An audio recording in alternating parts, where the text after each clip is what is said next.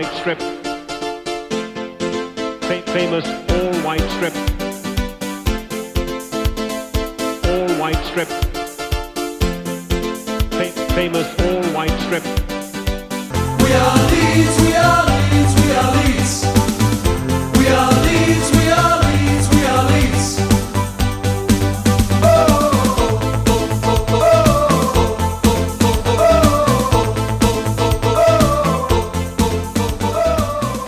Hei, du hører på episode 48 av podkasten White Noise. Den er i regi av supporterklubben til Leeds, eh, som heter Luskos. Og jeg er eh, Anders Palm og har som vanlig med meg følgende trekløver. Først tidenes hit, Runar Edvardsen. God kveld. Eh, Du går med barnevogn, er det det du gjør? Er ikke med barnevogn. Jeg går og holder en baby i armene mine mens jeg snakker i mikrofonen med deg om de viktige tingene her i livet. Ja, og det, Vi hører ingenting fra barnet, så det betyr at uh, han liker det, det han hører. Uh, sikkert, Sånn velger jeg å tolke det i hvert fall. Men, Ja. Um, men da, nå er det jo litt ferie fra fotballen på deg, da, så du er jo litt roligere nå. Uh, kan legge fra deg alle nervene og bare kose deg i sommer med, med nyfødt barn og, og kone i, i, um, i flotte Bergen by. jeg kan gjøre det. Det er riktig. Det, det kan jeg gjøre.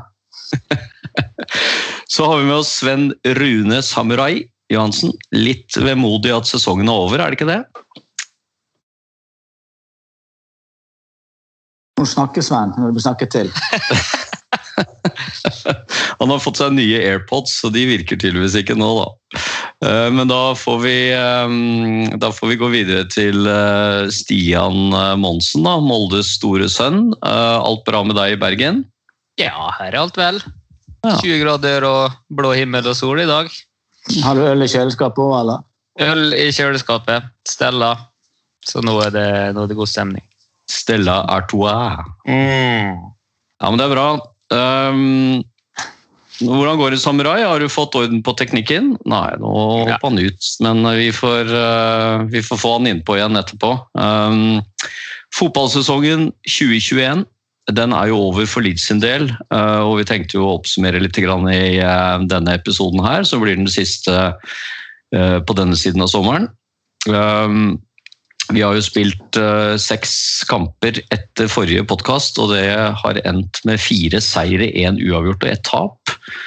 Uh, og vi er vel uh, vi er vel blant de Topper vi tabellen de siste ti kampene, eller hvordan var det med det, Stian? Jeg tror vi er liksom For Vi er helt tabellen har ikke sjekka, men vi har vel sluppet inn færrest mål, i hvert fall på hjemmebane, siden nyttår, tror jeg.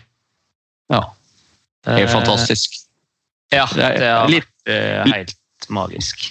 Litt uvant med en sånn eh, god avslutning på sesongen i, med Leeds, Runar. Vi pleier jo alltid å rote det til uh, siste ti kampene. Ja Vi rotet det ikke til i fjor, men det var jo, vi hadde jo ikke noe å spille for de siste ti, så, eller de siste seks kampene. Så sånn sett så var det sikkert greit å slippe skuldrene ned og eh, nyte de her storkampene mot de her tullete topp eh, seks-klubbene og eh, måke inn eh, poeng mot noen mindre gode lag. Så det har vært en eh, behagelig avslutning på sesongen. Det er jo kjedelig Ja. selvfølgelig å være eh, to tap mot Brighton unna å kunne utfordre eh, eliten i eh, Premier League. Men eh, vi får jo prøve å slå Brighton neste år, da. Siden det er de som er så jævla gode. Vi ser på formtabellen nå. Der er vi, vi er på andreplass siste ti. Eh, Liverpool har eh, åtte seire, to uavgjort. Så er vi like bak med sju seire. Brighton ligger på siste, de, men de, de har én seier der mot oss. Eh, nei, Det er sånn Wiggen-konsept. Ja, nei, men det var en, eh, det var en veldig bra avslutning, og, um, og sånn, eh, sånn sett så var det jo eh, deilig å kunne cruise inn eh, og faktisk eh, også greie å ta en ekstra plass i den siste kampen eh, mot West Bromwich. Eh, Da, hoppa jo forbi Everton også. Eh, Det var jo et bitte lite håp om eh, hvis alt hadde gått eh, Hvis alt hadde vært medvind og, sola hadde skint overalt, så hadde man vel kanskje greid å, rote seg inn på den sjuendeplassen nå, men da skulle jo holdt jeg på å si, noen ha tapt med tosifra og andre Ja, så, så det gikk ikke da. Men vi må jo si med den avslutningen og den, denne sesongen her å ende på niendeplass, så er jo det utrolig bra. Eh, Ja. Jeg tror ingen av oss eh, så for oss eh, at vi skulle ha eh, en sånn eh, Eller være nummer ni på tabellen når vi rykka opp til, fra Championship i fjor. Du kan gå tilbake og høre første podkasten etter opprykket. Så kan jo du få fasiten på hva vi tre snakket om. Så det har jeg gjort. Så jeg vet hva jeg, vet hva jeg sa. Ok, hva sa du da? Jeg sa eh, som følger at det finnes seks lag som er helt naturlig at man skal tenke kom er foran seg. Og så er det et sånn kobbel av lag med gode spillere eller ressurser som Everton, Leicester, Wolverhampton, eh, som òg man bør kunne forvente er foran seg. Eh, Så da er tiendeplass eh, det som man realistisk må kunne forvente og eh, eh, og håpe at man kan få til. Så selvfølgelig nå klarte jo Western seg inn mellom der. og Everton gikk nå bak, og det gjorde sikkert Wolverhampton også. Så alle de ni lagene foran traff jo jeg ikke på, men sånn noenlunde på plassering og hvor og det, Jeg hadde en forventning om at vi skulle ligge og, og, og touche på Altså helt midt på tabellen, ikke 13.-plass. Eh, men eh, men blant de ti øverste. Så det, fikk sånn noenlunde rett i påstanden min eh, før sesongen om at det var kunne være eh, realistisk å legge listen der.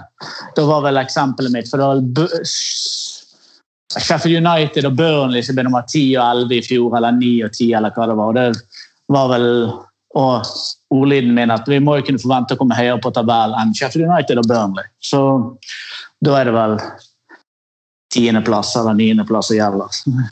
Ja. Gikk vel akkurat. ja. Eh, Sven Rune, er du med oss? Da er jeg tilbake. Da er du tilbake, ja.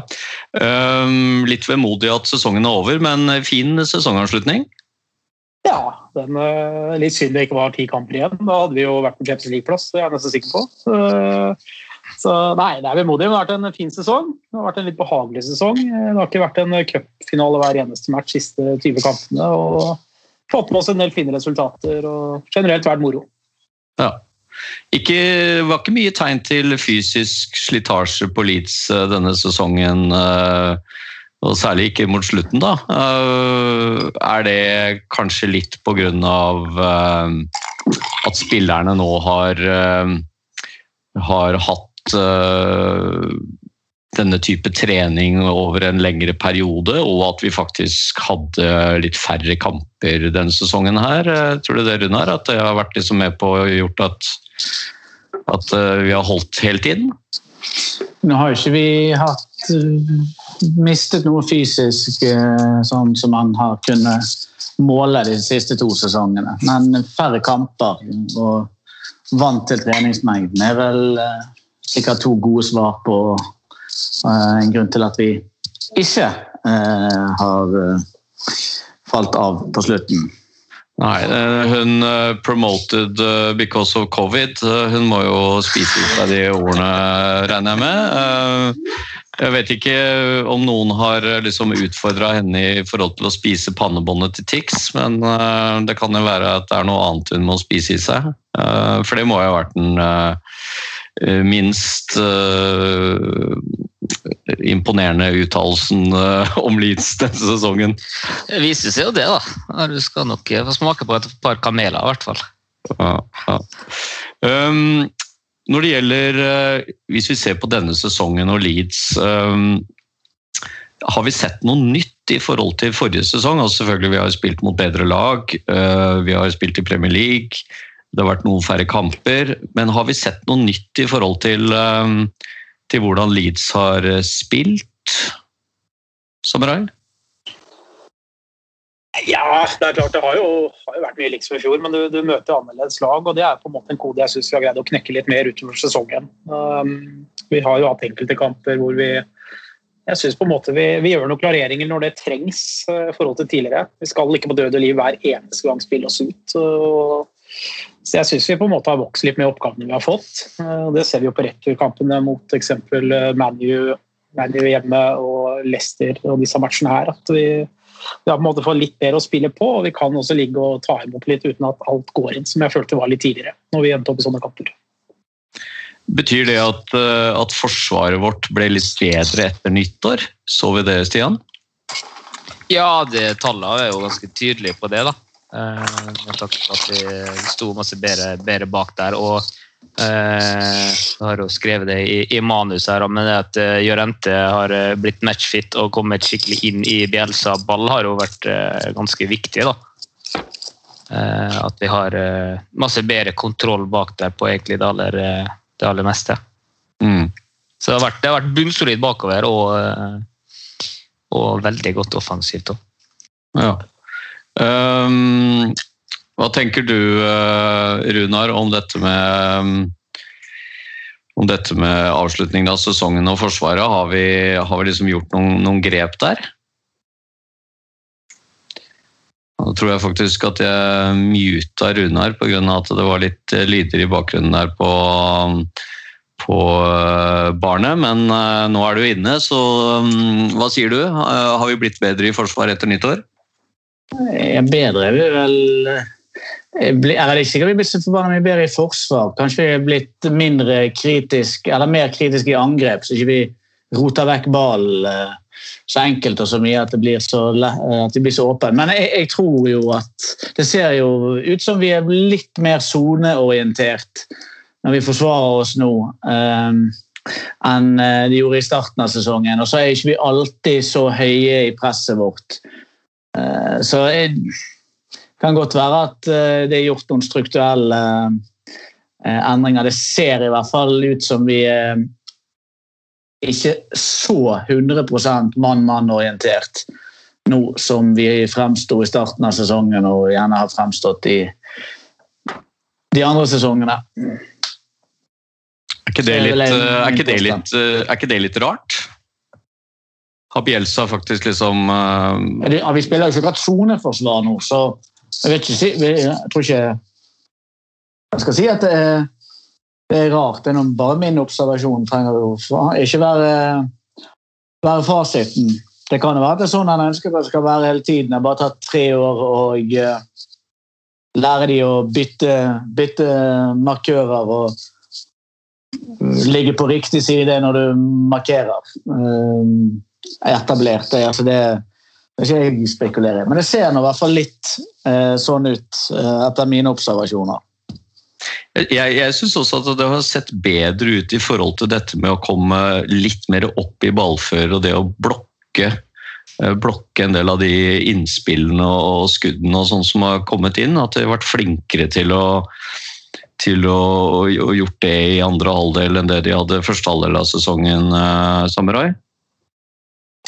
Ja, det er nok litt der. Jeg syns så dødballer, og vi hadde kjempeproblem tidlig også. Jeg syns Melier har begynt å bli litt mer offensiv i feltet. Eh, du har fått Strojic jente som eh, er god på huet. og det er klart Første 19 kampene så slapp vi inn 37 baklengs, og siste 19 har vi sluppet inn 17. Så det er lite tvil om at eh, det er gjort noen riktige grep der. Og som du sier, jeg tror nok mye handler om også at vi er ikke så naive til enhver tid som vi var.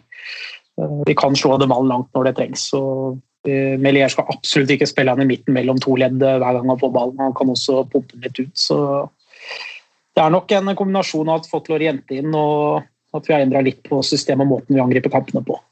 Mm. Um, er det andre ting vi har lagt merke til denne sesongen i forhold til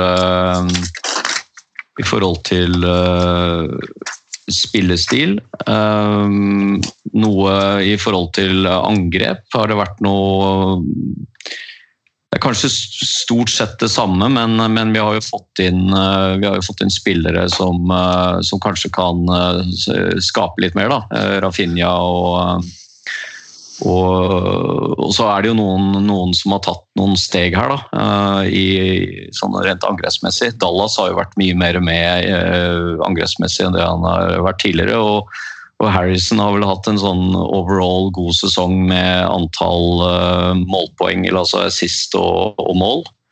Så, så det, har vel, det, har vært en sånn kombinasjon kanskje da, av at uh, noen spillere Vi har fått inn nye spiller, og, og noen har litt, uh, tatt et litt ekstra steg, som har gjort at uh, angrepsspillet vårt har, har stemt ganske bra. Vi har jo skåret ganske mye mål. Vi skåret vel flere mål enn Chelsea, tror jeg. Uh, Stian? Ja, jeg tror, jeg tror vi skåret flere mål enn Chelsea. Uh, ja da, 62. Chelsea har 58. Mm. Like mange som Westham. Ja. Tror, Nei, det, det, er ikke tvil om at vi har, vi har, Eller egentlig alle som var med i fjor, har jo tatt uh, både ett og to steg uh, i forhold til hvordan de, de spilte da. Uh, og Rafinha har vært ekstremt dyktig, selvfølgelig. Men også som du nevner, Harrison har vært eh, veldig masse involvert Har kanskje ikke fått så masse skryt som han egentlig har fortjent. for Han har havna litt sånn i skyggen bak, eh, bak Rafinha sine, sine, individuelle opptredener, egentlig. Um, så tenkte jeg at uh, vi, vi, bør jo ha noen sånne kåringer. for å liksom se hva, hva panelet her mener om uh, mener om uh, sesongen. Uh, så vi kan jo starte da, naturlig nok med beste spiller. Um, hvem er det du har der, Samurai? Nei, jeg tror jeg er som veldig mange andre. Det er uten tvil Stuart Dallas for meg, som har vært årets spiller i år. Um, det er liksom ikke bare fordi at forventningene var kanskje lavere enn de han har levert, men han har skåra flere mål enn Jamie Wardy, hvis du tar bort straffene. Han har skapt flere sjanser enn Pulisic og vunnet flere takleringer enn Kanté. Eh, så det er klart, Stuart Dallas syns jeg han gjør aldri feil, og han løper og løper. og har jo til og med fått en del flotte skåringer i år. Han har tatt uh, enorme steg. Så for meg er det uten tvil Stuart Dallas som årets spiller. Uh, hva tenker du, Stian? Ja, jeg syns det er flere som må være oppe til, til diskusjon her. Eh, Melier har jo hatt en kanonsesong, han òg. Må, må, ikke glemme han. Eh, selvfølgelig eh, min uh, nye livsfavoritt i, i Rafinha. men Stuart Dallas er nok den som han, jeg tror kan troner på, på, toppen der. For han har ikke bare tatt steg i år, han har tatt steg hvert år han, siden han kom, egentlig. Mm. Runar, har du også Dallas som årets spiller? Ja, hvem faen hadde trodd det? Det er nesten et nederlag i seg sjøl. Eh, men jeg tror kanskje at det er det mest rettferdige. Altså, går man på hvordan gidder å lage en sånn kåring. Men eh, den største utfordreren til Dallas tror jeg det må være Patrick Bamford. Det er sikkert heller ingen som hadde trodd på forhånd. Men han har 38 kamper sant? Og startet samtlige og spilt mye, aldri ute. Skåret 17 mål. Her er litt med forsvarsspiller. Her er det med noen forsvarsspillere innimellom skårer, skårer mål, bra med assist. Eh, ja, altså Hvem i helvete hadde trodd at han skulle være så god som han har vært i år?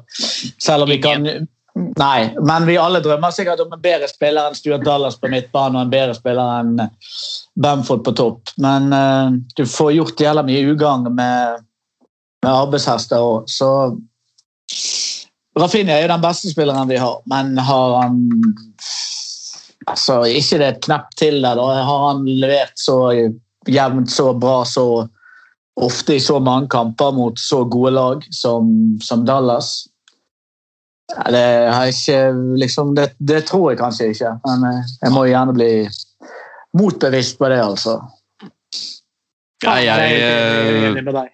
Ja, jeg, jeg, tror også at hvis vi skal liksom se sesongen over, over ett og, og, og, da, de, på de kampene som har vært, så, så, er det jo Dallas som har eh, jevnt over vært vår beste spiller. Og som du sier, Samurai, at han har jo ikke hatt noen særlig dårlige kamper, og han løper mest. Han jobber, har spilt på flere forskjellige plasser. Uh, har er over hele banen, eh, jobber steinhardt eh, defensivt, eh, kommer på løp, har skåret viktige mål og, hatt en del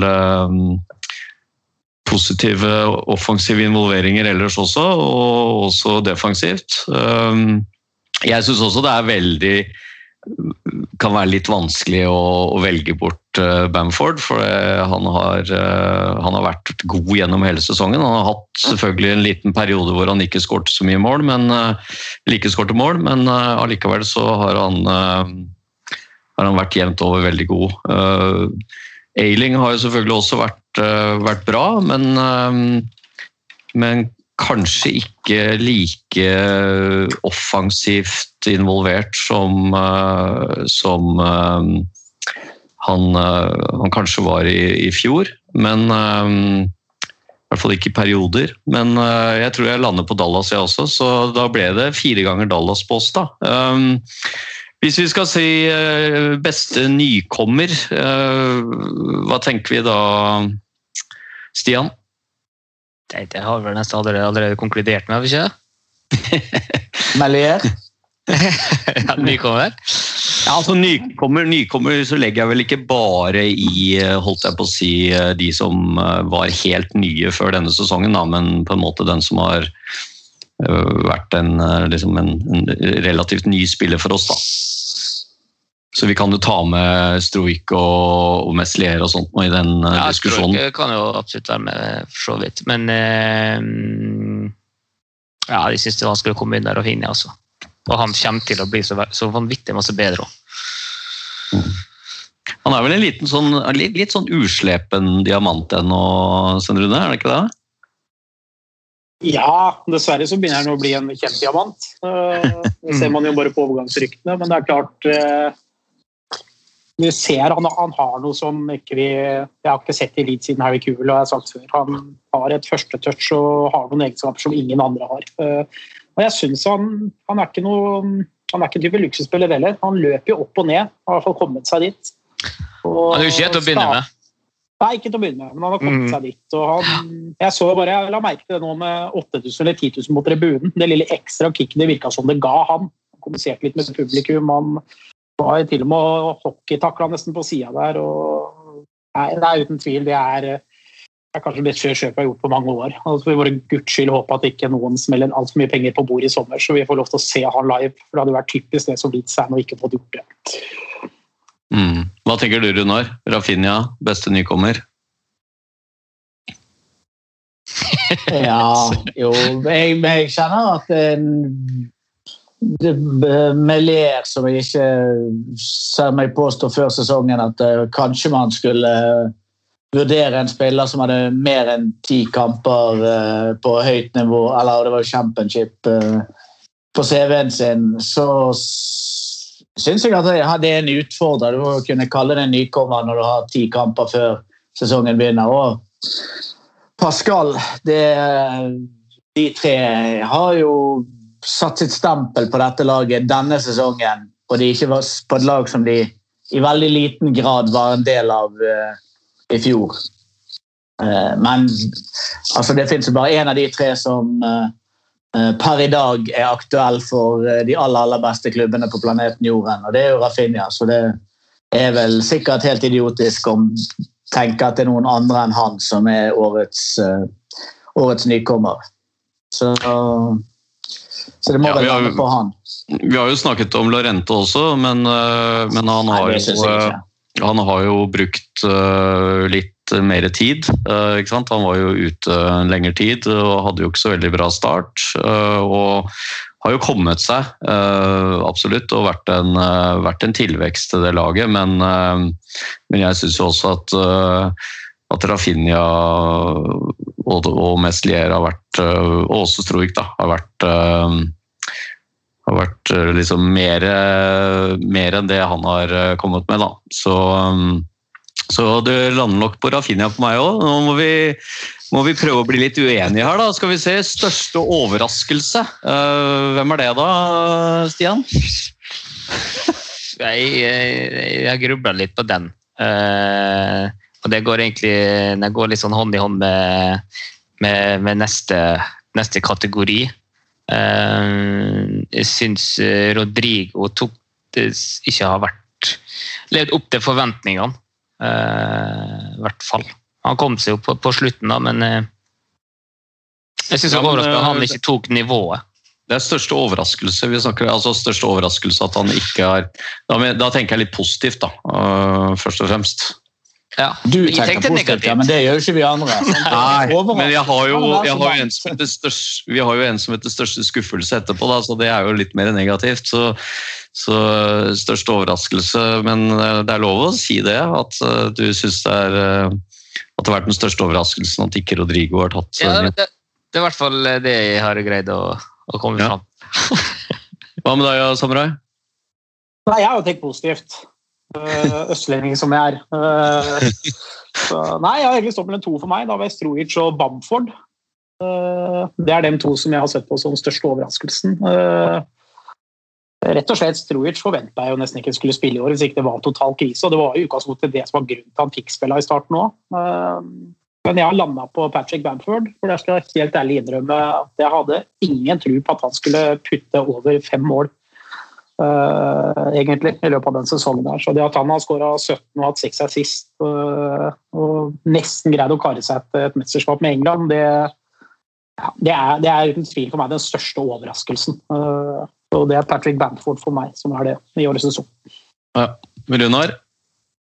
Er du på Eh, største overraskelsen Nei, det, altså det, det er jo helt idiotisk, de svarene dere har gitt. Det er bare én helt hinsides stor overraskelse, og det er at Stuart Dallas er en av de beste midtbanespillerne i hele Premier League. Og hvis du, ikke, hvis du går rundt og tenker at det finnes en annen større overraskelse enn det, da, da skjønner jeg ingenting. Det er jo faen meg som ja, altså du, du, Man nevner alltid at da skal det regne griser eller snø oppover. Det er det det har gjort i år. Det har eh, regnet griser og snødd oppover. Stuart Dallas er blant Premier Leagues beste midtbanespillere. Kanskje folk hadde tenkt at han kunne overleve på bekken i løpet av hele sesongen, men han har spilt indreløper fra med mm, 80 av mot de aller beste lagene, så han har vært helt overlegen. Det er sjokkerende. Du kan ikke være enig om alt dette. Nei. Nei, men, um, men jeg Men vi er enige nå om at jeg har rett. Det er vi enige om nå. Nei, nei. Nei, jeg, jeg ser hva Runar sier. For jo, det er en overraskelse. Men eh, Dallas var god i fjor òg. han syns jeg leverte eh, stort sett greit. Så jeg så jo, så på mange måter at han skulle levere og greie seg fint i Premier League. Men eh, jeg skal jo ærlig innrømme det at han eh, har levert det han har gjort på indreløperplass, den hadde ikke jeg heller sett. Men jeg hadde heller hatt trua på det enn at noen skulle sagt eh, Patrick Bamford har skåra 17 mål for sesongen. Ja. Nei, jeg, jeg heller nok også litt på, på Bamford. Jeg hadde heller ikke den store troa på at han skulle bli toppskårer. Um, jeg var jo sikker på at uh, sånn sett uh, Rodrigo skulle komme inn og, og egentlig kapre den uh, plassen der fra, fra Bamford og være den som skåra 15 mål, men um, der tok jeg feil. Uh, så det er Ikke mange ganger i karrieren Rodrigo har skåret 15 mål, også, så da hadde du jo hinsides store forventninger til en spiller som aldri skårer 15 mål. Ja, det hadde jeg. Men det hadde jo øh, Sånn sett så har jo Bamford overraska, da. At han altså har, har greid å skåre skåre så mye, og at han har spilt så bra. Og han kunne jo skåret flere. Han, uh, ja, Han- verste, han hadde- han, burde ha skåra veldig han burde jo egentlig ha skåra flere òg, for han Ja, hadde ja. en god del muligheter som han ikke skåra på. Han var jo Men finner du en spiss som ikke burde skåret mer? Spiller på et offensivt altså, hva er det for en, Han burde skåret mer. Ja, ja, altså, jeg bør, Sven burde vært tynnere, og vi burde alle hatt mer hår utenom Stian, men altså, det er noe Jeg vet ikke helt om det er realiteten.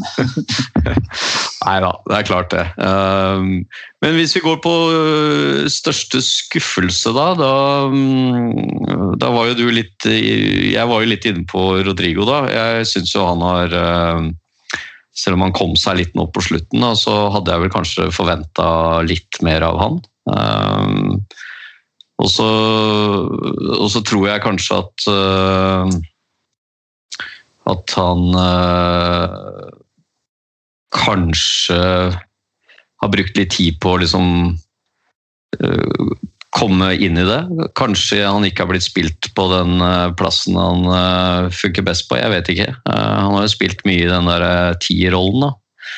Eh, Men eh, for meg så, har det, så har det vært, eh, vært den største, største skuffelsen. Hva med deg, Stian? Ja, jeg har allerede sagt det. Jeg hadde veldig mange veldig mye høyere forventninger til, eh, til han.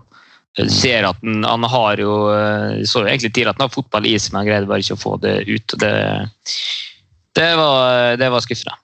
Mm. Runar? Nei, jeg har ikke Rodrigo der, selv om du burde forvente at uh, den dyreste spilleren din er òg den beste. Men uh, sånn er det jo ikke. Jeg tror kanskje at den største skuffelsen på sesongen er innsatsen vår i cupene. Altså, for en tragedie. Det er jo kjempesesong.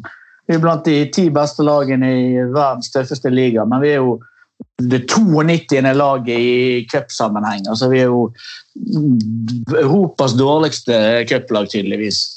Så jeg hadde jo håpet at vi skulle kunne utfordre og vinne noe. Nærme oss å vinne noe. Og det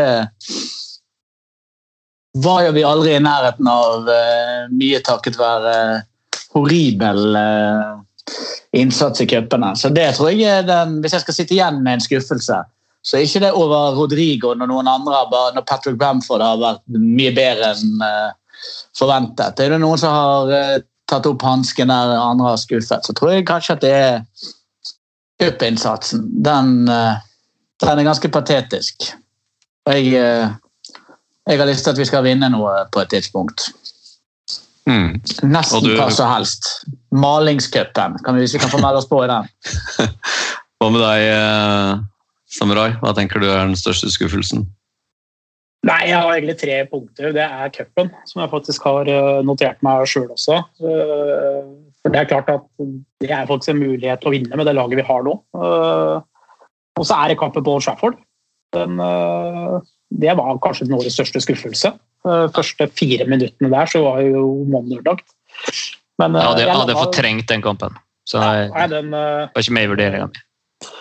Nei, det var en vond, vond opplevelse. Men uh, jeg falt ned på Rodrigo sjøl.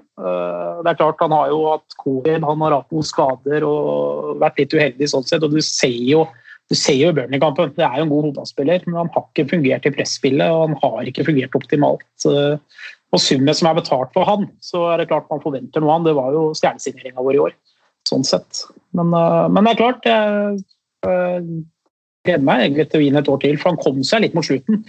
Mm. Og det å få en full preseason på han, og han er skadefri og sånn, så ville det vært spennende å se hva han kan bidra med neste år. For det er ikke noe tvil om at han, øh, han slår noen enorme pasninger, og det så vi litt tidligere i sesongen. Og han har en avslutningsteknikk som ikke mange andre har, og det er mye fotball i. Så, så jeg er litt spent, så han skal få den kaktusen der i år uh, av meg. Men uh, forventer at han er på andre skala neste år.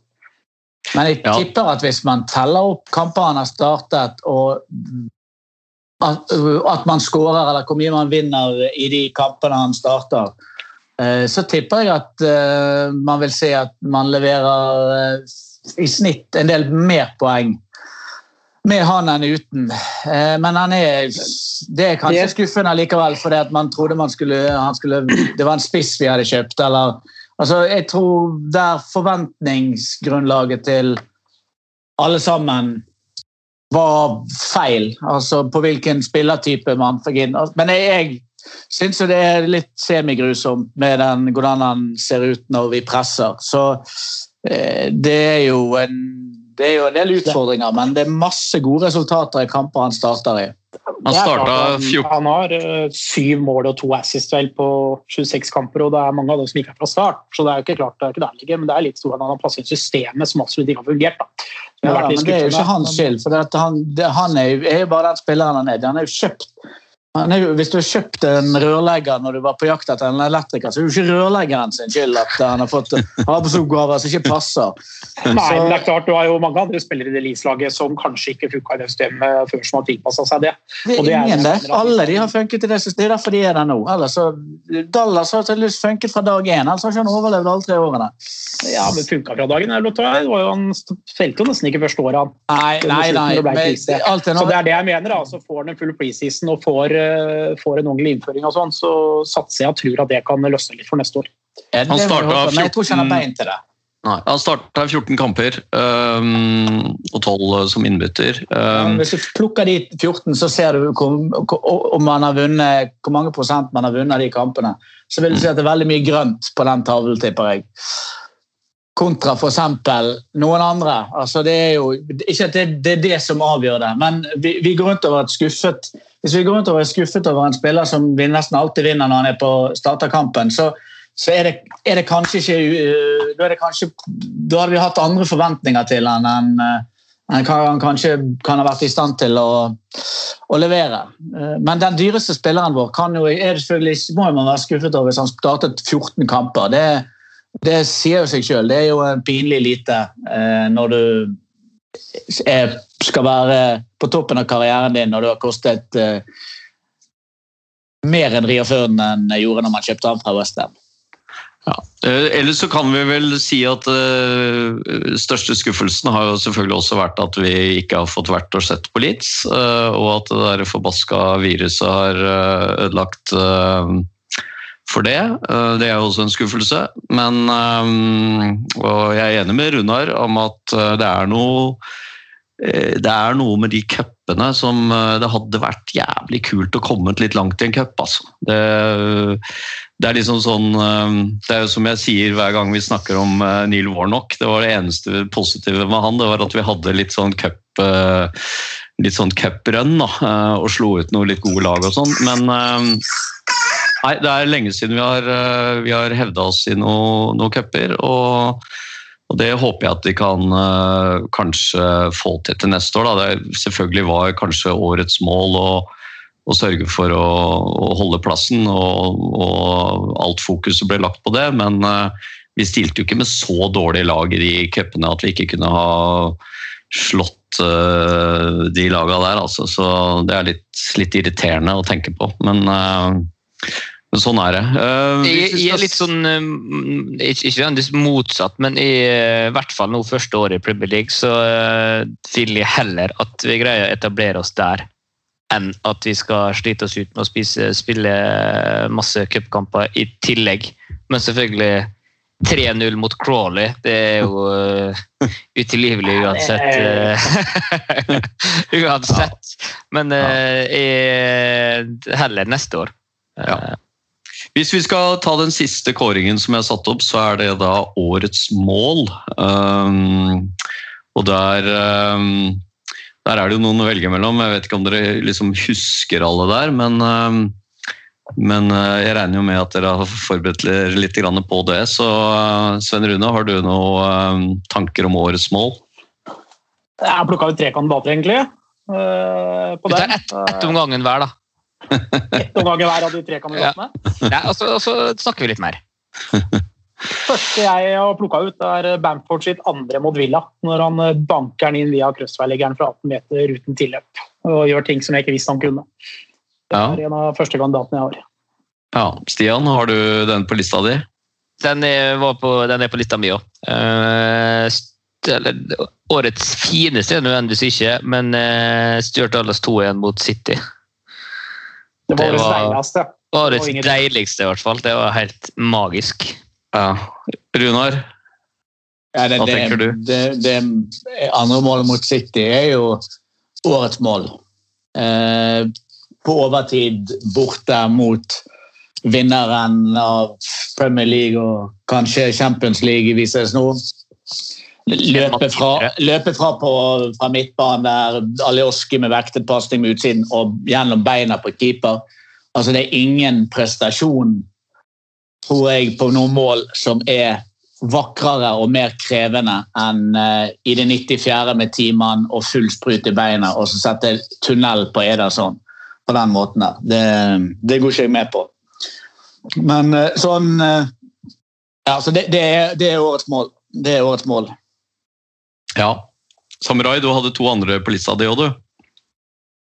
Ja, jeg har eh, Den ene var selvfølgelig City-skåringa.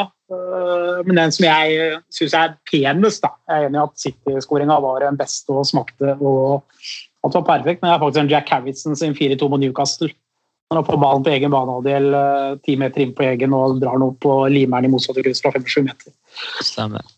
Den uh, syns jeg var eh, fantastisk. Også noe som man ikke han drar ut av skuffen eh, hver dag, for å si det sånn. Så Jeg synes Estetisk så tror jeg faktisk at den her er, er det mot Leicester, Bamford det er vel Stoik. Og så bare hamrer han inn altså det Estetisk sett så er den, synes jeg den er, ligger noen nivå over den til Harrison som fører ball, og så finner han ut faen, jeg kommer ikke meg forbi disse to her, så jeg får bare skyte på måfå, og så treffer jeg. altså eh, så treffer jeg der jeg treffer. Den til Bamford det er faen meg høyt. Det er sånn Harry Kane-tilslag på den. Det er ordentlig høyt nivå på, eh, på den, syns jeg. Men eh, helt enig i den. Det er, altså, den, eh, det er som du sier, den er estetisk og fantastisk gjort, men skal legge seg at han selv, sa sjøl han bare skøyt. Han sikta ikke mot ja, ja. krysset. Men, eh, Men, eh, men eh, for, meg, for meg som da har en eh, bror og en far som er Leicester-supportere, så var det eh, årets mål for meg. Det var det det er helt sykt å kalle det årets mål når du har den. Det- For meg så var det det. Det var bare så deilig å se den der skåringa der. Uh, etter at Leicester da tok ledelsen 1-0, og det så liksom ganske sånn enkelt, og det så ut som at det, det skulle bli dårlig kamp, og så fikk vi snudd den, og så var Bamford der med den uh, lekre skåringen i, i krysset der, så var bare Jeg var ikke helt i krysset da, men, eh, men for meg så var det i hvert fall uh, veldig uh, den samme følelsen som jeg fikk når Dallas satte inn to 2-1-mål mot City. Det var i hvert fall veldig lik, lik følelse, da. Så um, jeg syns at det var et utrolig flott mål. Um, men um, da er vi igjennom disse her eh, kåringene våre. Eh, Stort sett enige. eh, Litt uenige på noe, men Men skåringa til Jeg sitter på YouTube her nå, faktisk, og jeg ikke kom på hvem det var mot. Men skåringa til Rafinha mot eh, West Bromwich, der han eh, skrur den i motsatt kryss. Den er fin den har skjærer inn fra sida der. Men, Ja, stemmer. eh, Den, den, er, den er fra 18 meter, og det er 4-0 uh, når han gjør det, vel. Mister er en fantastisk scoring, men jeg syns ikke Det er jo 4-0 når Harrison scorer mot Newcastle. Også. Han kan ikke komme med. Nei, da, da er det 3-2, Runar. Når han skårer den. Det er ikke. Det er siste målet i kampen, vel? Harrison scorer Nei, 5-2. 4-2. 4-2 var vel det. Ja, Det er ikke så dumt det der målet, første målet til Rafinha mot, det var mot Everton. Han skåret det ja. første målet sitt, han, men det er liksom Han setter den jo i, liksom i lengste hjørnet der, og det er ikke noe sånn enkel scoring det heller. Men eh, nei, det har vært mange fine mål. Um, og mange Det laget som har skåra flest mål ut av 16-meteren i år. Så det er klart det har vært litt å plukke av. Ja. Vært bra med, bra med sånne lekkebriskner, eller hva det heter. Lekkerbriskner? Nei, Eh, men eh, feiringa når eh, Dallas skårer 2-1 mot City, den er, den er priceless. Det er helt purt magisk, rett og slett. Unnskyld Ja, jeg- uttrykket. Jeg tror de fleste, fleste Leeds-fans sto oppreist og hylte og skreik da, altså eller hoppa. Eh, så det, det var et fantastisk mål. Um, har dere hørt um, uh, We're Coming Out to Play-låta? Kan ikke du synge den? Så, så tilfelle vi ikke har hørt den, og så vi bare vet om det er den vi har hørt, eller om det er noen andre. Ja, den er bra. Um, vi spiller den litt grann, som en liten pause. United, we're coming out to play.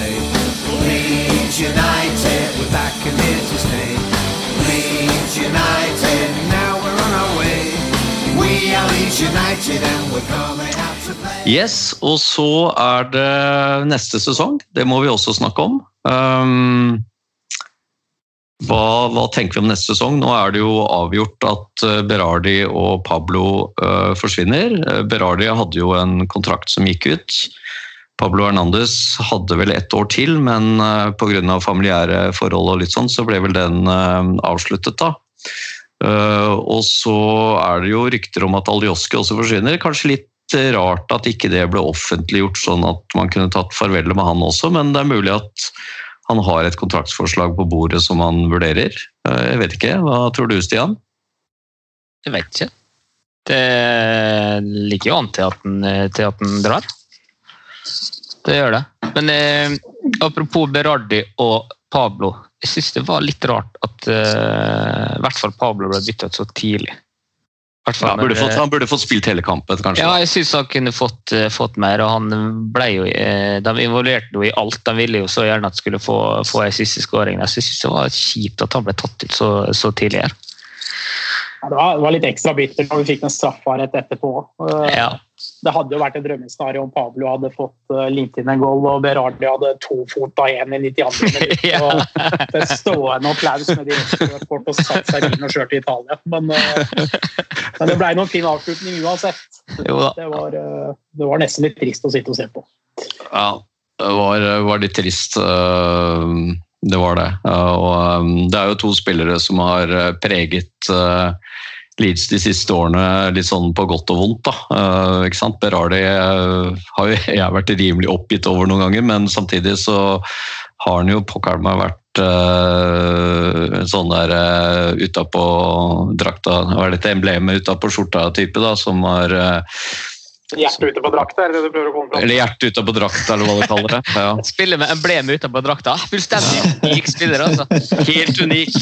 Uh, emblem og hjerte og alt har vært uh, på det rette stedet når det gjelder Berdali, selv om ikke han hje- Hjernen hans alltid har vært på det rette stedet, så har i hvert fall hjertet vært det.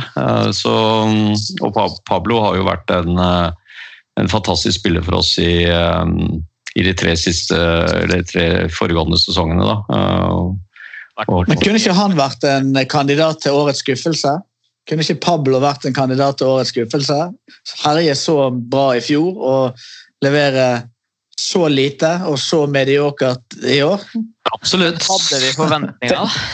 Jeg tenker litt på det, faktisk, Runar, men han er på en måte en jeg har avskrevet i fire år. Jeg gjorde jo det i år òg, og det er riktig Ja. for skyld. eh, Ja, ja da, det er det samme som jeg gjorde eh, Runar har også avskrevet han uh, i alle år. foran hver eneste Ja. sesong. og ja, Til slutt så får man alltid rett. Det er jo selvfølgelig fordelen med å være konsekvent, men uh, nei bare, Men det har vært Altså, han har jo bidratt lite, sant? så det var jo vår store stjerne, så det kunne vært en kandidat til årets skuffelse. Ja, da. det er jeg enig i. Jeg var inne på tanken, faktisk. Jeg var det. Men ut fra egne forventninger så droppa han det derfra. Det var litt skuffende at han ikke, det var litt skuffende at han ikke fikk skåret et mål i, i Premier League for Leeds. da. Det, det kan man Jo, gjorde ikke han det? Nei, han skåret aldri. Han. Nei, han gjorde ikke det. Stakkars, Eh, stakkars gutt. Så det er jo, Og det holdt jo Calvin Phillips på heller ikke å gjøre, men han fikk jo da et, eh, et eh, mål i siste kampen, så det var jo bra. Um, Hyggelig gjort av Westbrom-keeperen. Ja, å slippe inn den. Um, men uh, er det noen andre som vi tror kommer til å forsvinne? Uh, eller, er det, eller er det de som, som forsvinner ut? Uh, Ja, vi er jo redd for å finne, er vi ikke? Så kommer det et, eh, et bud eh, som er for høyt til å si nei til. Det er ingen som har sånne penger å strø rundt seg med og Rafinha i dagens covid-situasjon. Det har jeg vondt for å se, i hvert fall. Det betalte, vi, betalte vi 20 for den, eller var det 15 vi betalte for den? 17 eller noe sånt. Ja, sånt, ja. Si at du skulle hatt 80 for han nå, er vel ikke helt urealistisk. Mer enn 60 i hvert fall. Det er ikke så jævla mange klubber som har sånne penger å strø om seg. altså. Det, jeg syns det virker eh, lite sannsynlig, men eh, selvfølgelig Det finnes jo unntak for alt. Mm. Men hva er vi, hva er det vi trenger av uh, nye spillere? Uh, mange har vel snakket om at vi trenger en venstreback. Mange har snakket om at vi trenger en, en midtbanespiller, en, eh, en som kan være en sånn tierrolle. Eh, er, det, er det mer vi egentlig trenger, eh, Runar? Nei. Ja, men hva med Jack Harrison, da? Han, blir, han kommer nok inn. Han blir, han blir kjøpt. Ja, han blir det. Ja, det tror Det forventes vel, i hvert fall. Ja, jeg tror det var liksom forventninger nå om at det skulle gå i orden. og Men er det klausul i, altså utkjøpsklausul der? Ja, 12 millioner pund. Ah, ja. ja, ja, det er ikke noe jeg tenker på. Hva tenker du, Samurai? Er det, trenger vi mer enn en, eh, en venstrebekk og en midtbanespiller? Nei, jeg syns ikke det sjøl. Jeg bare håper at vi får inn at vi gjør litt som vi gjorde i år. At vi bruker faktisk penger på de posisjonene. da. Eh, og får inn noen ordentlige forsterkninger på de to plassene. Så, så håper jeg på en måte at eh, vi heller får i gang en del av de unggutta som vi kommer litt inn på etterpå, som backuper, som eh, kan være med på benken. Skal jeg komme med en påstand? Ja. Gjør det. Det gjør du aldri ellers. Kjør på. Nei, men det er bra. Hvis Alioski signerer den kontrakten som ligger foran seg, så øker du på en måte Da skal det bare inn en midtbanespiller. Eh, som du kan, du kan legge alle 40 millioner som du har avsatt til spillerkjøp, hvis det er 40 f.eks., på den midtbanespilleren. Hvis ikke, så må du fordele det på de to posisjonene. Du får ikke noe penger for Alioski. Så ikke, du, du få ikke noe ny kapital på, på han. Så jeg tror at det, det er en del av eh, de alternativene som klubben så Det skal brukes mindre penger i det vinduet som kommer enn det var i fjor sommer. Det er i hvert fall det eh, klubben sier. Så hvis vi skal tro på det, så blir det ikke 100 millioner eh, eh, som skal brukes eh, nå på to posisjoner. Hvis det er ca. halvparten, så tipper jeg at det er det er mer sannsynlig at man kjøper en ordentlig god eller dyr eller hva du vil kalle det, til å utfordre på den eh, tierposisjonen. Eh, hvis du beholder Alioski, så han tegner en ny kontrakt. Mm. Ikke så må du kjøpe et førstevalg som venstreback. Nå kan jo du ikke kjøpe en eller annen løsning som du kan tro skal være bedre på sikt, eller hva det måtte være, eh, hvis du beholder Alioski. Men forsvinner han ut, så må jo du kjøpe en spiller som du eh, forventer skal spille 30 kamper fra start der og være bedre enn Gianni. Mm. Definitivt. Jeg tror jo at eh, Alioski forsvinner. Det virka jo litt som så nesten som Dallas forsnakka seg på den award-vinneren.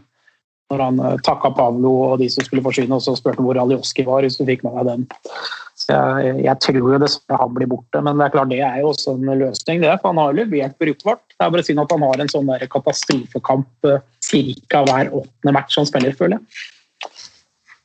Ja, jeg, jeg syns jo, jo de siste kampene nå så har han vært eh, han, han, han er jo flink til å komme opp på, på, eh, på kanten her, da, på overlap, og har jo hatt noen fine pasninger. Du nevnte jo selvfølgelig pasningen eh, til eh, Dallas på City-målet, men, eh, men eh, jeg, jeg føler liksom og, og defensivt så har han innimellom vært eh, ok, men så syns jeg han eh, sånn overall så tenker jeg i hvert fall at det er en plass vi har noe å hente på å forsterke. Da. Eh, Men, eh, men det er selvfølgelig det er en, det er en løsning. og Han har sikkert eh, Jeg tipper at han sikkert har fått en eh, ettårskontrakt, tilbud om ettårskontrakt, kanskje to, eh, med ikke sånn veldig stigning i i, i lønnsnivå og sånn, og så, og så er det en vurdering for han da, om det finnes andre klubber som er villige til å betale mer for han, om han ønsker å, å være et annet sted. Eh, Men eh,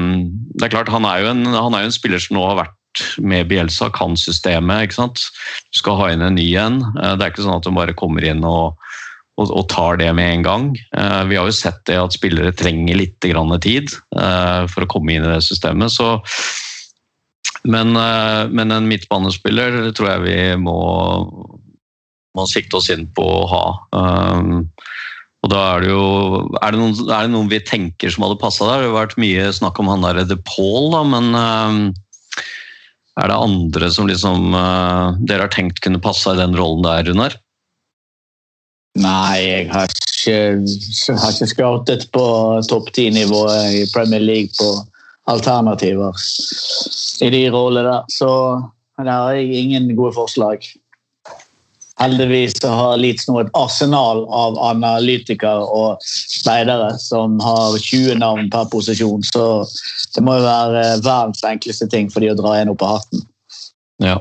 Og de har jo, ettersom jeg skjønner nå, ganske bra sånn uh, scouting-apparat rundt om i Europa, da, så de, de ser vel litt etter det. Um, så er jo disse brexit-reglene blitt litt tøffere i forhold til å hente, hente spillere utenfra, men, uh, men uh, her skal man jo hente en, uh, en i, med litt klasse, så det, det må jo forventes at, at vedkommende vil få arbeidstillatelse pga enten at han kommer fra en liga som er eh, såpass god, eller, eller eh, har eh, har eventuelt noen landskamper eller annet sånt da, som gjør at eh, det kan være en, eh, en spiller som kommer inn. Men eh, det blir spennende å se. Eh, vi eh, kommer nok til å eh, Det kommer nok til å være mye rykter, som vanlig. eh, og så holder de kortene tett i brystet, og så får vi se hva det blir til slutt. Um, er det noen er det noen av disse yngre spillerne som, uh, som vi tror kan ta steget til neste år der, uh, Stian? Er det noe spesielt du tenker på? Jeg har veldig lyst til å se en Joe Gellert. det, Altså. Jeg syns Ja. han eh, ser spennende ut. Jeg har en, eh, jeg har en FM-game der han skåra 20 mål i Premier League eh, neste sesong. Så jeg har ekstremt troa på han. Ellers er ikke den som følger best med på U23-laget vårt. Altså. Nei, Runar, du har sett noen U23-kamper? Ja, det er den best, eller bortsett fra Gellert, da, som er verdens beste U23-spiller, tydeligvis. Så er jo han eh, Nestemann på listen min han spiller jo i en posisjon der vi har 29 gode alternativer. Vi har han Summerwill, han kan spille Han er jo sånn Aaron Land i gamle dager. altså Verdens raskeste. Du, du, altså, du må ha flue for å se han bevege seg. Så han bør jo kunne Eller kan gjerne være spennende nok til å ta tre og et halvt steg og, og utfordre. Men han skal jo forbi Rafinha, Costa, Poveda, som jeg også syns ser god ut. Sant? Så alle er jo gode på høyrekanten. Så jeg vet ikke om han har det samme registeret til venstre. Det tror jeg jo i kjent stil ikke. Og så- Nei, hvis- men han, han ser eh, Han ser god ut. Eh, De to er nok de to nærmeste som har en sånn X-faktor som eh, eh, du bare kan kaste inn. Vi har vel han Green, Greenwood òg, ikke sant? Ja, men Han er ikke noen X-faktor. Han bare skårer mål. Det er jo Sånne spillere slår ikke gjennom. Hva tenker du, Har du sett noen uh, samurai som du, har, som du vil gjerne ville hatt opp? Nei, Det er vel kanskje han der Cody Dramen da, på bekken. Han Fulham, eh, Ja, han Fulham vi henta han fra. For han synes jeg har sett bra ut i matchene jeg har sett. Og det er klart, vi har ikke Bekkene har jo ikke all verdens dekning heller. Vi har Dallas da, som kan oss ned, Ja. Trengs, men eh, han eh, håper jeg vi tar opp litt og får prøve seg litt neste år, som du kan videreutvikle. Men er han, høy, han er høyre først og fremst, er han ikke det? Høyre bekk i utgangspunktet, men Ja. det er klart, eh, kan sikkert gjøre han til venstre òg, hvis det er det vi trenger. Ja, og, og Eiling kan jo altså Eiling kan jo være ute noen kamper, eller eh, han kan jo benyttes som alt mulig mann han òg. Så, så det er jo ikke utenkelig at, eh, at, en, at en back skal kunne greie å liksom få litt spilletid, da. Nei, absolutt ikke. Så han uh, håper, jeg, håper jeg får prøve seg litt neste år og bli med opp i stallen. Og der også er det jo greit å få litt sånn cuprun tidlig, da, så vi får prøvd ut disse, noen av disse også. Mm. Uh, Vi har jo- Samme som Shackleton og sånt. også, sant? Det, er jo, Ja. det rulleres jo ikke noe i det eliteslaget. Uh, og det er jo noen av de der du skulle ønske fikk spille, men så blir det igjen som at Crawley, at alle spiller samtidig. Så spiller de på den våteste, dårligste gressbanen på hele, i hele England, og så ser alle dritdårlige ut. og så tenker man ja, bare brenn hele det junioroppsettet. Kjøp Rafinha, fl- flere Rafinha. Det er eh, veien til lykke. Så det er jo ikke alltid vi gjør det enkelt for oss sjøl. Nei, det er jo Leif også, da, som uh, vi vel kanskje har håpet at skulle liksom uh, fått, fått spille litt og, og vise seg litt, men uh... Fra å komme innpå mot City og United første halvdel til å ikke være på banen resten av sesongen, det er jo eh, jævla rart med hele denne Leif-situasjonen. Litt skuffende over at når, man, hvis man vet at Alioski altså Det er jo en sånn ting Du skal jo selvfølgelig avslutte sesongen best mulig, men hvis du vet at Alioski ikke skal være her neste år, hvorfor spiller han da? Hvorfor gidder han å spille sjøl siste kampen? Du risikerer eh, ja, det ene med det andre skademessig uten kontrakt til EM til sommeren. Altså, hvorfor ikke spiller ikke Leif to, de to kampene for å teste ut eh, eh, om man har nivået inne? Men eh, du skal nok kvalifisere deg eh, eksepsjonelt for å få spille fotball under eh, Bielsa. Ingenting får du gratis fordi at du har møtt opp hele året. Du skal ha gjort jobben den uken. Så Det er, det er ikke sikkert det Leif har det som skal til. Nei, han, han, på, spilte jo Kiko, han spilte jo Kiko de to siste kampene. da.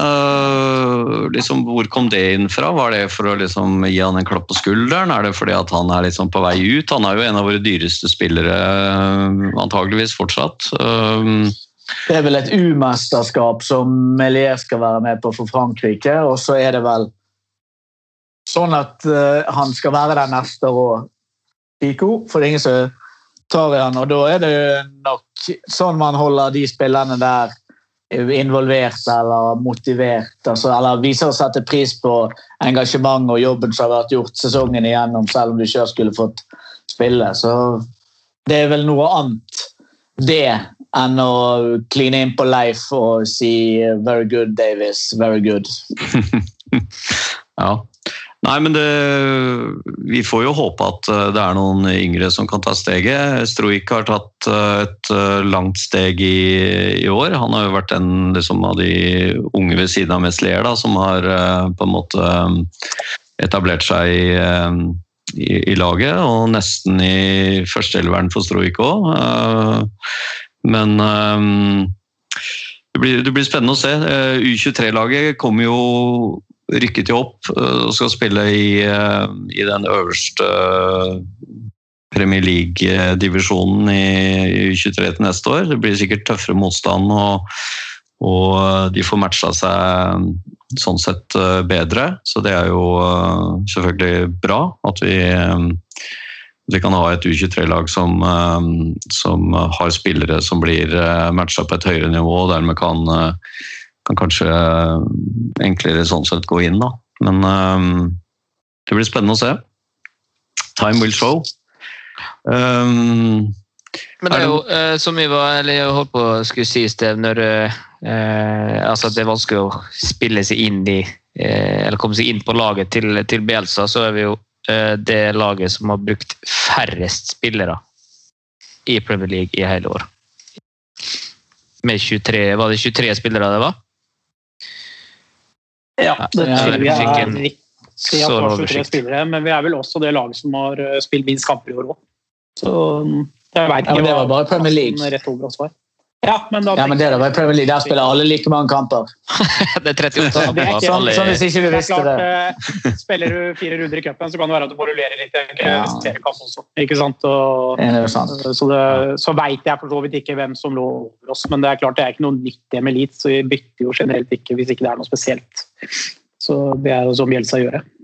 Ja, men han har, eh, han har faktisk eh, Denne sesongen her så har han jo faktisk bytta litt på i forhold til eh, at han satte ut at Costa liksom på en måte kom ut, at Harrison var ute et par kamper. at så Han har jo vært litt mer tilbøyelig til å tydeligvis At folk har kunnet spille seg inn, da, hvis de har prestert litt svakt.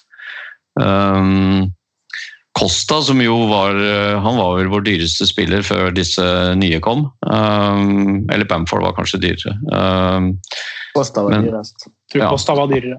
ja, så, så han har jo kanskje også kunnet uh, vært med i den der skuffelsebolken. da. Uh, han var jo litt skuffelse i fjor òg, så så ikke selge. Det hadde vært litt deilig hvis du kunne selge en sånn spiller. Sluppet Poveda til litt, uh, litt mer, hvis du hadde fått noen kroner for han. justere opp uh, hilen du handlet på, eller hva det måtte være. Mm. Poveda syns jeg ser ut som en jævla festlig fotballspiller, men uh, han har ikke spilt så mye, han heller. Nei, han har kommet på kommet innpå litt grann, eh, i noen kamper, da, men eh, han har vel uh, har kommet innpå i 14 kamper, ingen starter. Ja. I Premier League, da. Eller, altså, eh, Sikkert så- fått maks 30 hver kamp òg. Ikke det engang. ja, mye korte innhopp, da, som han liksom eh, eh, ikke har fått eh, tid til å vise så mye. Men, eh, det- men det kan jo hende at eh, det er en, en eh, spiller som kan eh, få litt mer spilletid neste år, da, og kanskje kan ta et, eh, et steg. Men um, Man vet jo ikke det med de. Sant? Og hva er alternativet? Med, ha, si han og si Shackleton er sånn noenlunde sammenlignende samme Humbolds alternativ er jo å låne de ut. Men da må jo de til en viss grad erstattes fra et sted. sant? Ok, Shackleton kan man da kanskje erstatte internt med McCalmont eller Robbie Gotts, at en av de må bli værende neste år. Og så er det mulig at det fins Man kan tenke at han Summerwill Men men de har jo liksom en funksjon på Veda og Shackleton. disse, og de, Den funksjonen må jo erstattes på et vis hvis de forsvinner. Så er det jo selvfølgelig Adam Forshaw, som sikkert skal være sykemeldt her nå et år. Eh, som kanskje er tilbake, eller var jo liksom i trening for 14 dager siden, og så har han vel brutt sammen igjen. Mm. Eh, så det er jo noen sånne her eh, Costa er litt på gjerdet, kanskje med Roberts. Klubben kan jo ta et valg og så rydde noe i rekkene og så se om de eh, Hvis de vil ha inn nye, friske spillere Mm. eh, og fylle på med på toppen. Men det er, det er en vanskelig sommer for òg, for det er ikke så lett å erstatte altså, det er ikke så lett å bygge på en niende-tiendeplass heller. Du skal, kjøpe, du skal beholde alle de gode spillerne dine. Du skal klare å forsterke, forsterke laget. Forventningene er. Du slår ikke helt nedenifra opp. Altså, det er ikke sant? Everton kom bak. Der skal det sikkert brukes penger på å komme seg inn igjen. Wolverhampton har sikkert ikke tenkt å ligge død til neste sesong. Mm. De andre sant? De skåtte, Det laget som skåret mest mål utenfor 16-meteren, var det en som sa. Det er jo litt sånn gratismål. sant? Det er jo ikke det du eh, kan forvente hvert eneste år. Så gjør ikke du det neste år. Hvor mange poeng taper du eventuelt på det? sant? Eh, Er ikke det litt sånn at Leeds har overprestert litt på denne eh, expected goals eh, i år kontra tidligere? og det motsatte, eller kanskje det der eh, listen det motsatte på på det, hvor mye du forventes å slippe inn. Spesielt den siste perioden så har vi sluppet inn mye færre mål enn måte, statistikk skulle tilsi. Det er sånne unormalheter. Det er lett å si at vi har hatt en god sesong, men eh, det kan jo være sånne tilfeldigheter til neste år vipper mot oss, og dermed så eh, ja, så er det kanskje 14.-plass og 47 poeng. Eh, det beste du kan håpe på. Det er vanskelig å ta det neste steget inn, i, inn blant de seks til åtte beste. Ja. Vi har jo ikke snakket om uh, Robbie Gotts. Han har vel vært på utlån. Uh, vi uh, har jo ikke Douglas kommer vel også tilbake fra utlån, men han er vel kontrakten ute, er han ikke det? Jo, kontrakten går ut 30. juni, så han Ja, ikke- Barry Douglas spørs vel ikke om han da forsvinner. Og, og så har vi jo han polakken, da, han Bo Bogus. Ja, jeg vet ikke hvordan han har gjort det i Spania. Han har vært på utland. Og så McCalmont som har vært i Oldham. Han har jo hamret inn noe jævlig med mål. Ja. Eh. Gotts har vært i Selford City nå. På, på, Jordan Stevens har vært litt i Bradford. Ikke lykkes helt eh, der. Det er en høyreback der og Bryce Hosanna eller noe sånt. Han er fortsatt skadet. Det er en del av de her eh, som har sittet på benken tidligere. Eh, og har noen få innhopp som, eh, som har vært ute et år. Men det spørs om det er sannsynlig at noen av de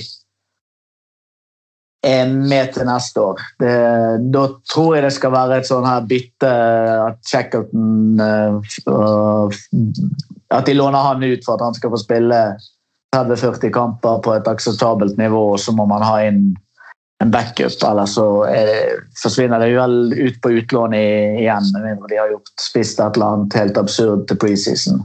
Mm.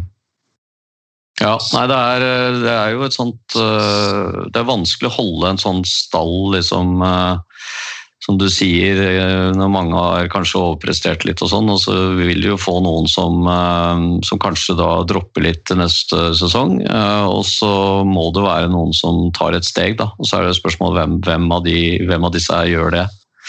Jeg snakket med han eh, Niklas Haugland i dag, og han eh, Hva var det han sa om han eh, Gellhardt?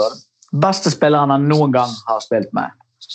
Ja. Så der hørtes det ut som uh, denne Geller bare var å på en måte gi nummer ti når Alioski forsvinner og kapteinspinner gjør han først i alt. Han var visst helt hinsides uh, imponert. Mm. Men han spiller vel i en mer midtbanerolle, gjør han ikke det? Spiller, har spilt spiss, avsluttet sesongen og spiller mest spiss. Startet Ja. sesongen og spiller mest typisk nummer ti. Ja. Så det er jo en rolle vi er på jakt etter. Folk i den midtbanerollen er jo liksom der man har brukt Rodrigo og Roberts, der ingen er 100% fornøyd. Så kanskje løsningen ligger der. Eller kanskje han kan gjøre ha det for like mange minutter neste sesong som Pablo har fått i år. Ja. Nei, det blir, ehm, det blir spennende å se. Vi, ehm, vi eh, ser eh, fram imot eh, sommeren sånn sett, og få avklart disse tingene. Og så kommer terminlista 16. juni. Ehm, Så da får vi se om det da blir ehm, hvordan kappoppsettet blir. Sesongen begynner jo 14. august-helgen. Um, og så går det slag i slag. Før det så er det EM. Og der er det jo noen Leeds-spillere med. Uh, vi har jo både Klich og Alioski og Koch og Lorente og, og uh, Calvin Phillips, forhåpentligvis. Han ble i hvert fall tatt ut i den bruttotroppen. Um, ble også Ben White der? Fikk jeg det med? Ja. lese et eller annet sted? Ja. Så når Phillips nå ikke får være med pga. knekt skulderen, så er det Ben White som eh, får være med istedenfor, skal du bare se. Ja, Det så ikke ut som han hadde knekt skulder på de Så du ikke det var lagt ut noen sånne videoer fra treningsrommet hvor han eh, tok masse skulderøvelser og så ikke ut som han hadde noen knekt skulder. Så han Nei, er, ikke eh, ja, han er med. Han er med. Så Tror Det er bare å glede seg. revet av. ja, det, er, å glede seg. det er bare å glede seg til sommeren. Eh, EM blir morsomt. Det begynner eh, 11. juni til 11. juli. Eh, så um, Cooper er jo også med for Skottland. Så Gjør en kjempemesterskap, han som er solgt til Real Madrid. Erstatter Ramos, og så får Pascal eh, Strauk den, eh, den plassen der. Der står vel i Belgia og Nederland og slåss om hvem som får han med til det mesterskapet. sant? Så det, Pascal han sitter bare på, han sitter oppe på Belgrave og drikker øl han, mens uh, sommeren pågår hviler. Hviler til ny sesong. ja. Tror, du ikke han er på Trelex også? Nei, Det slår meg ikke sånn tree legs-type. Men, eh, men eh, du, Samurai, du er klar for Three Legs eh, neste sesong. Ja, det er det mest. Det og El Road, egentlig. Det, Hvis du kan velge mellom Champions League og ingen tree legs eh, altså Du blir topp fire, og du må være kun hjemme. Eller at du kan få reise tre ganger neste sesong, få en tolvteplass, og du får tre helger på tree legs. Hva, hva velger du da? Jeg, jeg, jeg velger nå bort Trelegs, for det er kort mellom Bradford. og Jeg tror jeg bare det er sånn pubber, så det finner jo der òg. Så det Jeg skulle overlevd, men, eh, men det gleder jeg meg ordentlig til å få dratt over igjen nå. Og få fullsatt Elvold i Premier League. Det, ja, det er ikke ting som skal komme i veien for det, i hvert fall. Da må vi sørge for at du kommer inn på stadion, da, Svein Rune. Ja da. Jeg har gjort det stort sett, med unntak av det. Vi får satse på det. Uh, ellers så kan vi jo si litt grann om Luskos. Vi er jo nå Jeg kikka i dag, jeg tror faktisk vi er 7599 medlemmer. Eh, Så vi får håpe at eh, vi passerer 7006, da. Så får vi klatre videre. Eh, Vi har et nytt eh, Peacock News som oppsummerer sesongen, og det er under produksjon. Der er det faktisk også et intervju med Orta, eh, gjort av vår eh, eminente eh, utskremte journalist eh, Sven Anders. Eh, det blir, gleder jeg meg til å lese. Jeg har ikke lest det ennå. eh, så det er bare å glede seg til det bladet dumper ned i postkassa. Minner også om eh, Leeds eh, øl, som man kan få tak i på Gulating-utsalg, og også hos en del menybutikker. Der har vi jo tre forskjellige øltyper ute. Lormer og, og Grey og Bielsa. Og så blir det faktisk også, jeg vet ikke om jeg får lov å si det, men øh, det blir faktisk lansert et øh, nytt øl i løpet av sommeren som vil være et øh, med polstyrke. Så da kan man faktisk få tak i det på sitt lokale vinmonopol. Um, skal ikke si så mer om det. Det kommer til å stå mer om det i uh, Pikk og Knus. Og så var det terminlista som nevnt, 16.6 og fotball-EM. Så det er bare å kose seg med fotball i sommer òg. Og så regner jeg med at vi er tilbake da i starten av august, og da er sikkert denne gjengen her med. Og så får vi se hvem av oss som eh, har vært innom eh, eh, de riktige tingene i forhold til hva som skjer med laget i sommer. Da. Vi har jo ikke kommet med så veldig mye rykter og, og um, utradisjonelle spillere på vei inn eller ut, så um, vi får se om det blir noen overraskelser. Uh, dere får ha god sommer, gutter. Og så takk for at uh, du hørte på. Og så god sommer til deg som lytter også. Og så er vi tilbake som sagt i starten av august. Tusen takk det samme. Ha det. God sommer! And we play all